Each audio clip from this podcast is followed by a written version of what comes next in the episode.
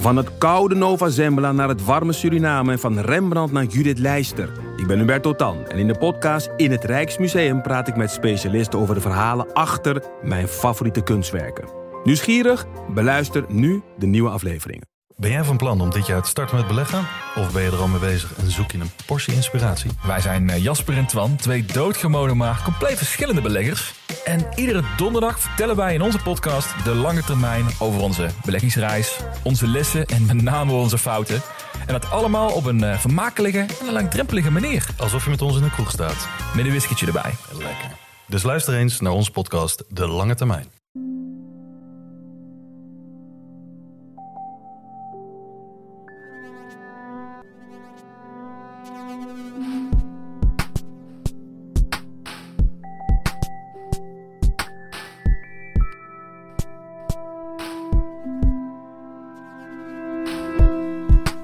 Hallo, ik ben Pieter van Relaas. In Relaas hoor je waar gebeurde verhalen en die worden altijd verteld door de mensen die ze zelf hebben meegemaakt. We gaan luisteren naar Steven. Het is een beetje een specialeke, want eh, Steven vroeg ons of hij zijn beste vriend mee mocht nemen om te komen vertellen. We hebben daar lang over nagedacht, maar tenslotte hebben we toch ja gezegd. Omdat ze nu eenmaal onafscheidelijk zijn.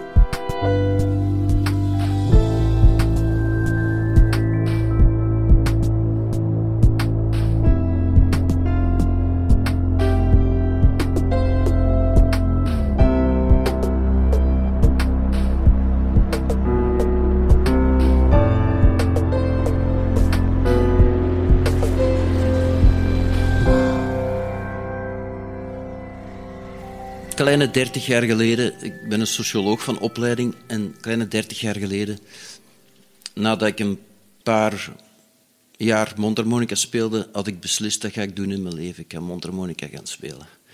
Ehm, en ik was daar een aantal jaar mee bezig.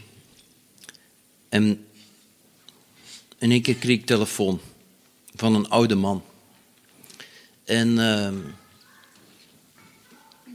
die had ongeveer vijf jaar naar mij gezocht, omdat ik ooit... Er was een klein artikeltje in het Belang van Limburg, van Limburgers die het gaan maken. En op basis van die foto was die man op zoek gegaan, die was bij mijn pa terechtgekomen en die zei van, zeg, ehm, nu dat ik u eindelijk heb gevonden, ik heb iets voor u, twee speciaal mondharmonica's. Nu, ik had al ehm, ondertussen een hele verzameling mondharmonica's opgebouwd, van die kleine mondharmonicaatjes. Je hebt er snel veel, want dat is allemaal in een andere toonaard. Je kunt die stemmen en zo. Maar die man verzekerde mij, hij woonde in, in Genk en ik woonde in Gent. Hij verzekerde mij dat het de moeite was om af te komen. Dus ik reed naar daar. En de man liet me binnen en hij zegt van, wilt je eens iets spelen voor mij? En ik speelde een beetje muziek. En hij zei toen, ik hoop dat Toets nu geen mondharmonica naar beneden gooit, maar hij zei toen uh, ja, dat is tenminste niet zo flauw dan Toets Tielemans. Enfin, hij deed zijn kast open en haalde daar twee mondharmonicas uit. En ik moet zeggen, ik was op dat moment een muzikant die probeerde te overleven van zijn muziek. En uh, ik keek zo altijd in de Honor-catalogus 100, dat is het merk van mondharmonica's. Ik keek daarin en er waren zo twee mondharmonica's die geweldig mijn ogen uitstaken, maar die verschrikkelijk duur waren. Dat was een basharmonica.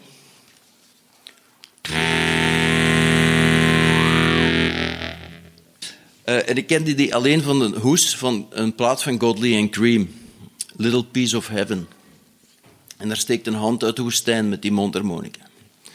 Dus dat was eigenlijk al jarenlang dat ik er elke keer naar keek, maar ik dacht, ik kan me dat gewoon niet permitteren. Die mondharmonicas waren zeer duur. En dus die man toen haalt hij uit zijn kast, legt die op de tafel en hij zegt, ik ga u cadeau doen. Ik zeg, Allee, dat kan u toch niet? Hij zegt, ja, ik, ben, uh, in, ik heb in het leger gezeten en wij hadden in de tijd een gehad mondharmonica groepen waar iemand de bas speelde, iemand de akkoorden en iemand de solist was. En hij had zo'n trio gehad. Hij zegt, ik heb dat proberen doorgeven aan mijn kinderen, maar geen enkel van mijn kinderen speelt muziek. En ik heb overlaatst een hersenattack gehad. Als, ik nu, als er nu iets gaat gebeuren, dan komen die misschien op de rommelmarkt. Maar jij gaat er iets mee doen, daar ben ik zeker van. Dus ik heb die man bedankt. Ik zeg, ja, dat was rond kerstmis. Ik zeg, dat is het mooiste kerstcadeau dat ik ooit heb gehad. En uh, ik heb er effectief op een plaat gespeeld. Ik heb die plaat naar hem opgestuurd. Ik had een beetje een bang hartje van... Misschien is hem ondertussen al overleden, maar ik heb er toen een bedankt van gehad. Een paar jaar later was ik eens op de laatste show geweest. En toen kreeg ik daarna telefoon van de redactie van de laatste show. Die zeggen, ja, er is een man die je nu heeft proberen contacteren. Belt die een keer op. Ik bel, en dat was een zekere Roger, uit de kant van Kalmthout. En die zegt, ja, ik heb, uh, ik heb u bezig gezien op de laatste show. En ik heb iets speciaals voor u. ik dacht, ja, dat kan nu toch niet waar zijn, maar je kunt dus twee keer in je leven de loterij winnen. Hè? Um, dus ik ging naar Roger. En zijn vrouw Wiese en hem speelde... Zijn vrouw Wiese speelde basharmonica en hij speelde chromatische mondharmonica. En hij had ook zo ooit een hele grote akkoordenharmonica gekocht. En uh, die deden mij dat toen ook cadeau.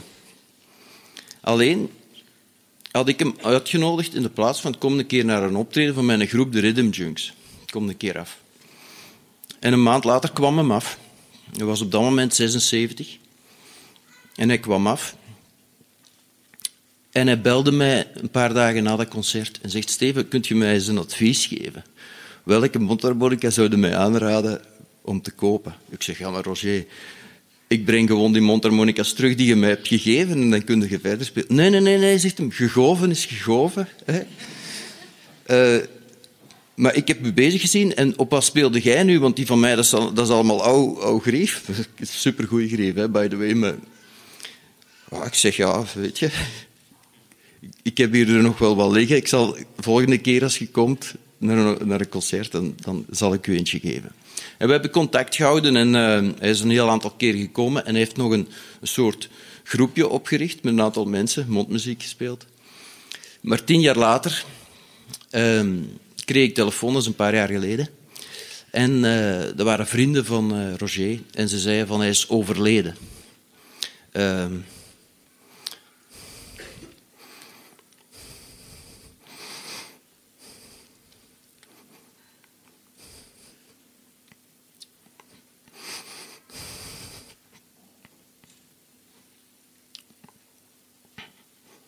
Ga eerst iets spelen.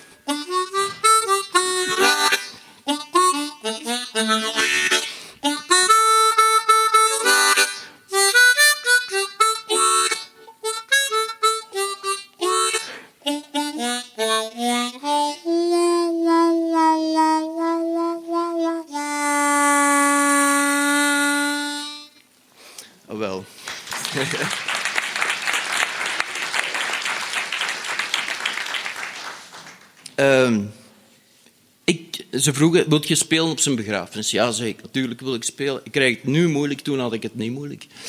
Um, maar dat was uiteraard een, uh, iets heel fijn om te doen, om erbij te zijn. En het straffe was, ik wist, die had geen kinderen.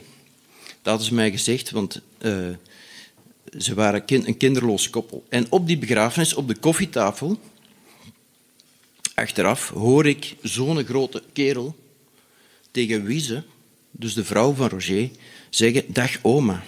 Ik zeg: Tja, ik dacht dat jullie geen kinderen hadden. Hij zegt Wiese: Dat is een verhaal apart. Ik zeg: Ja, ik ben benieuwd. Wel, zegt ze, Roger vroeger die ging om de twee weken naar een stort. Zo oud ijzer. Die wou altijd zo iets vinden. Die vond ook altijd iets. En die bracht het dan mee naar huis. En op dat stort liep een klein manneke, uh, de kleinzoon van de schroothandelaar. En op zeker moment was hij vrij aan het wenen en die was heel verdrietig. En Roger die vroeg van, zeg, wat scheelt er? Ja, zegt hij, mijn opa is overleden. Ah, zegt Roger, dat is, dat is spijtig. Maar misschien kan ik uw opa zijn. Weet je, ik moet naar de burgemeester. Ik ga dan een keer vragen. En als, als dat lukt, als dat mag van de burgemeester, hè, dat, weet ik, dat weet ik binnen twee weken, dan, dan wil ik wel uw opa zijn, als jij dat ook goed vindt. Ja, zo manneke, dat zou tof zijn. En dus nu op die begrafenis stond Tom uh, daar. En dat was zijn opa geworden. Voor mij was dat een ongelooflijke cadeau. Ik bedoel, nog meer dan die mondharmonica's was dat voor mij een cadeau. En nu, om het verhaal af te maken. Uh, een paar jaar geleden vertelde ik dat verhaal aan een vriendin die 43 was en kinderloos was gebleven en eigenlijk nog een laatste poging wou wagen. En uh, ik vertelde dat verhaal. En zij heeft toen uh, voor haar afstudeerproject, want ze was ook nog filmschool aan het doen, heeft ze dit verhaal verfilmd. Dus dat was ook een heel mooie kers op, op de taart. ja.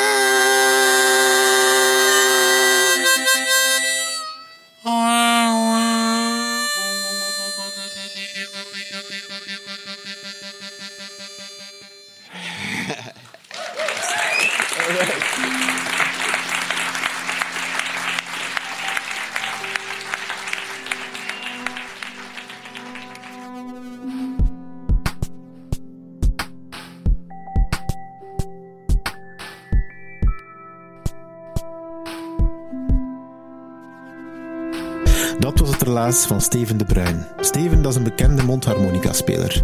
Hij vertelde zijn verhaal in Gent, in de wasserij van België.